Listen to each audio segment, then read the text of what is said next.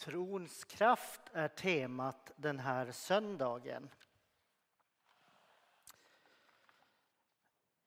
Tro är ett av huvudorden som återkommer i det som vi kallar synoptikerna, alltså de fyra eller de tre evangelierna Matteus, Markus och Lukas. När vi läs, hörde texterna idag så kommer det till ett till ord som är någon slags huvudord, nämligen våga. Våga tro. Det hänger tydligen ihop med trons kraft. I episteltexten som vi hörde så eh, kan man säga att eh, författaren till Timoteusbrevet räknar upp trons dygder rättfärdighet, gudsfruktan, kärlek, uthållighet och ödmjukhet. När man tänker på de där orden som livshållning så är det ju någonting annat som kräver just mod. Hur många gånger är det inte svårt att förhålla sig ödmjuk när man vet att här vet jag lite bättre? Eller hur Svårt är det att inte vara uthållig när man ändå vet att man skulle kunna lösa det fortare om man tog kontroll över situationen. Det finns massor med olika sätt att eh, så att säga göra någonting mer rationellt än tro. Därför att det är ofta mycket mer tillgängligt. Det evangelierna säger är förvisso är det ju så men jag lovar er, det är ungefär det Jesus säger, att om ni provar det där med ödmjukhet, uthållighet, rättfärdighet och kärlek så kommer ni att få se en kraft som faktiskt kan vara större och mycket mer gränsöverskridande än det vi kan lösa rationellt. Trons kraft går mycket längre än vi kan förvänta oss. Och det är just det som är tro. Det finns en eh, teologisk fråga i evangelierna kring tro. Och det är frågan, är tron ett gensvar på det Jesus gör? Eller är tron ett villkor för att komma till Jesus? Är tron ett villkor eller är det ett gensvar? Läser man Johannesevangeliet exempelvis så är det ju mer ett gensvar på det som Jesus gör. Och läser man lite närmare vissa av evangelietexterna så tycks det nästan vara ett villkor för att Jesus ska agera. Kananeiska kvinnan, det syns lite grann i den här texten idag att tron så att säga är ett villkor. Trots att det är ett minimumvillkor så är det ett villkor för att Jesus ska agera.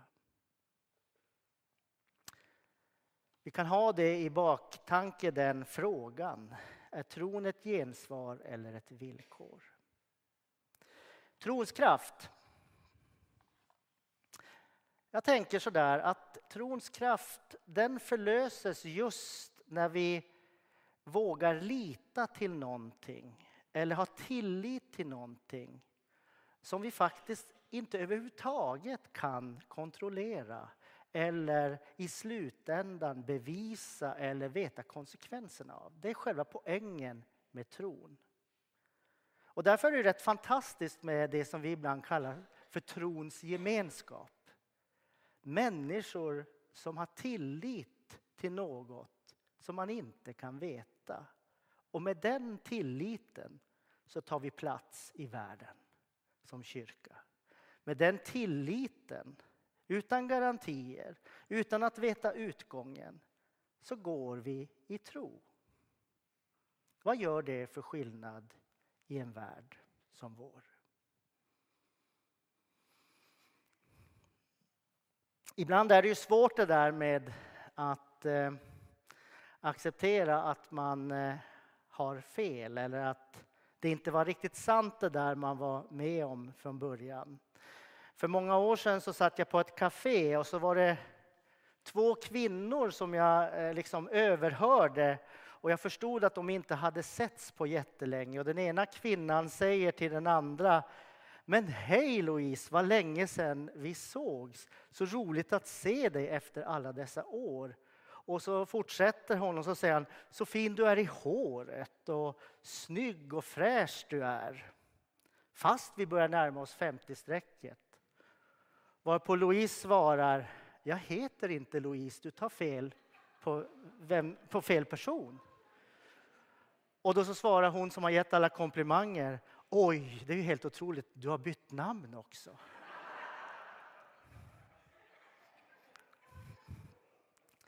Den här lilla episoden är ju hemskt rolig, men jag känner igen mig så mycket i den här kvinnan som ger alla komplimanger. Hur svårt det är att acceptera att vissa saker inte är sant i ens liv. Det är, för det är ju så oerhört mycket som inte får vara sant i våra liv. Det, liksom, det finns på så många nivåer. I Johannes 9 fick det inte vara sant att en sån här charlatan exempelvis på ett icke-legitimerat sätt botar den här sjuke. Han tror ju inte ens, tycker lärjungarna. Alla kunde se att det var sant. Men det fick inte vara sant, för det var inte sant på rätt sätt. I dagens text ligger det som inte får vara sant på en annan slags nivå. De här fyra bäraren, bärarna som skulle kunna vara fyra församlingsmedlemmar i Ansgarskyrkan, de har en vän som är lam. Målmedvetet övervinner de en massa hinder på vägen för att kunna lägga sin vän vid Jesu fötter. Det är alldeles uppenbart för lärjungarna och fariseerna att den lame mannen blir frisk. Men fariseerna och lärjungarna måste få hålla fast vid sin sanning i detta. Och det de ser får inte vara sant. Och det får inte vara sant att någon ger förlåtelse för synderna. Det är så mycket som inte får vara sant i våra liv. Människor får inte bli friska genom läkemedel som inte är inregistrerade. Men det är inte sagt att det är bra med charlataner och lurendrejeri. Bara det att vi heller inte får hemfalla att begränsa den levande Gudens möjligheter att skapa utanför våra begränsade synfält. Det har funnits tider när människor inte får komma till tro genom andra formuleringar, genom andra redskap än genom bekännelseskriften av vad de har formulerat. Det får inte vara sant. Jag har en eh, kompis som eh, för många år sedan hade varit, när han blev kristen, han blev kristen på en buss. Han eh, läste på läkarlinjen och så hade han varit ute på en fest och så när han eh, skulle åka eh, nattbussen hem från Upplands Väsby så när han står och väntar där så fanns det ett bord. Ett bord vid stationen med kaffe och bullar så delade man ut biblar. Det vill säga det var pingstvänner. Det är pingstvänner som gör sånt. Så han gick förbi där och då fick han eh, en bibel och så läste han den. Och det var på den tiden han, eh, man hade precis fått in apokryferna. Och han läste den där, han kunde ju ingenting om Bibeln. Men så hade han läst eh, Bibeln, tyckte han, och så hade han läst ett bibelord. Och han var helt övertygad om att det här var evangelierna som var de rätta böckerna för honom då. Han tänkte att så tänker vi i kyrkan. Men det visade sig att det var Johannes Syraks vishet som han hade läst. Helt i tron att han hade läst om Jesus och det hade öppnat hans ögon.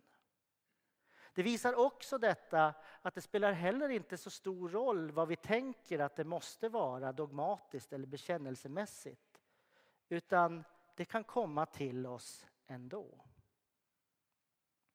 I vår kristna tradition finns det två diken skulle jag säga. Det är så mycket som inte får vara sant inom oss och det håller vi också inom oss själva. Det finns i våra fromhetskulturer. I Ekumeniakyrkans eh, kultur var det så kanske mer tidigare, men även kanske ännu mer nu. Att det är svårt i vår tradition att eh, tala om vad böner betyder för oss och vilken sorts verklighet Gud är i våra liv. Om jag exempelvis skulle lämna ordet fritt här och be er berätta för mig eller dela ett vittnesbörd om vad Gud har gjort i era liv så tror jag att det är många av oss som skulle känna, nej men inte har jag något att säga. Inte, inte är det väl något speciellt med det jag har varit med om och så vidare och så vidare. I bakgrunden till att den tystnaden eller den känslan tror jag ligger en lång fromhetskultur av moralismer eller eh, man har varit med om saker tidigare. Och vi har det liksom i vår fromhetskultur att det finns något hos mig själv som kan leva men det får inte vara riktigt sant. Jag växte upp i en, andra, en annan tradition där man bara skulle dela. Eh, den karismatiska pentekostala traditionen. Där delar man varenda gudstjänst hela tiden det man hade varit med om. Och till sist så börjar man ju fundera kring ja, men är det redan på förhand givet vad Gud har gjort i ditt liv? Eller vad Gud kommer att göra i ditt liv? Det var också ett sätt att kontrollera. Om någon skulle ställa sig upp i det sammanhanget och säga eh, jag vet inte, ni, ni säger att Gud gör så mycket i mitt liv men i mitt liv gör han ingenting. Då skulle det vara svårt att säga. Det är så mycket som inte får vara sant i våra liv. Och det jag menar med dikena i det här fallet är att i båda traditionerna kan det finnas risk att Gud faktiskt har gjort något i vårt liv. Något är väldigt levande i vårt liv. Men vi delar det aldrig. Därför att vi tror att det i sammanhanget inte tillför någonting. Eller att min tro inte är god nog. Det kan inte vara sant att min tro är god nog. Men det är precis det som Jesus gång på gång avtäcker. Han säger gång på gång och myndigförklarar människor i Jag ser din tro. Jag ser inte hur mycket tro eller hur lite tro. Jag ser din tro. Risken blir liksom att taket, om man använder det till den här texten, det liksom bryts aldrig upp i våra liv. Fast vi vet att det finns där. Det blir en gräns istället.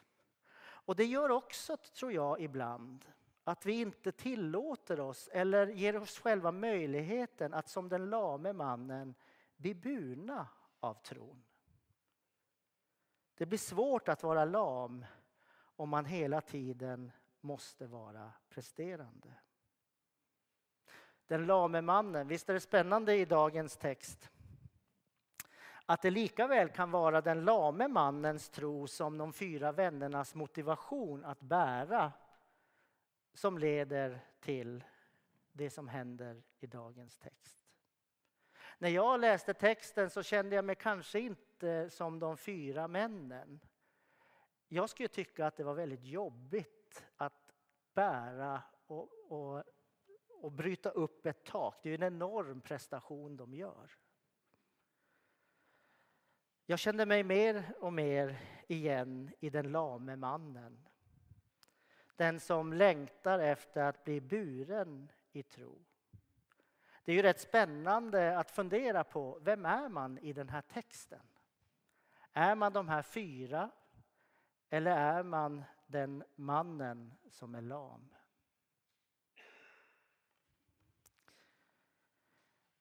Kanske är det så och det är väl kanske evangeliets eh, eh catch point, om man säger så. Att det som inte får vara sant i våra liv, i ditt och mitt liv, kanske är det som är kungsvägen till verkligen trons kraft. Att det som inte får vara sant i våra liv, alla de där sakerna vi säger om oss själva att nej men inte har jag något att komma med. Eller alla andra kan ju sätta ord på så mycket och så vidare. Kanske är det precis det som är kungsvägen till trons kraft. För när jag säger att, det, att liksom låta det där flöda fram eller dela med någon, det där som man själv går och bär på, nej men det där får inte vara sant. Eller Fast det är ju det är ändå sant, men man liksom lägger locket på. Så menar jag inte att det inte ska finnas någon ordning på torpet alls. Det är inte vad Jesus menar.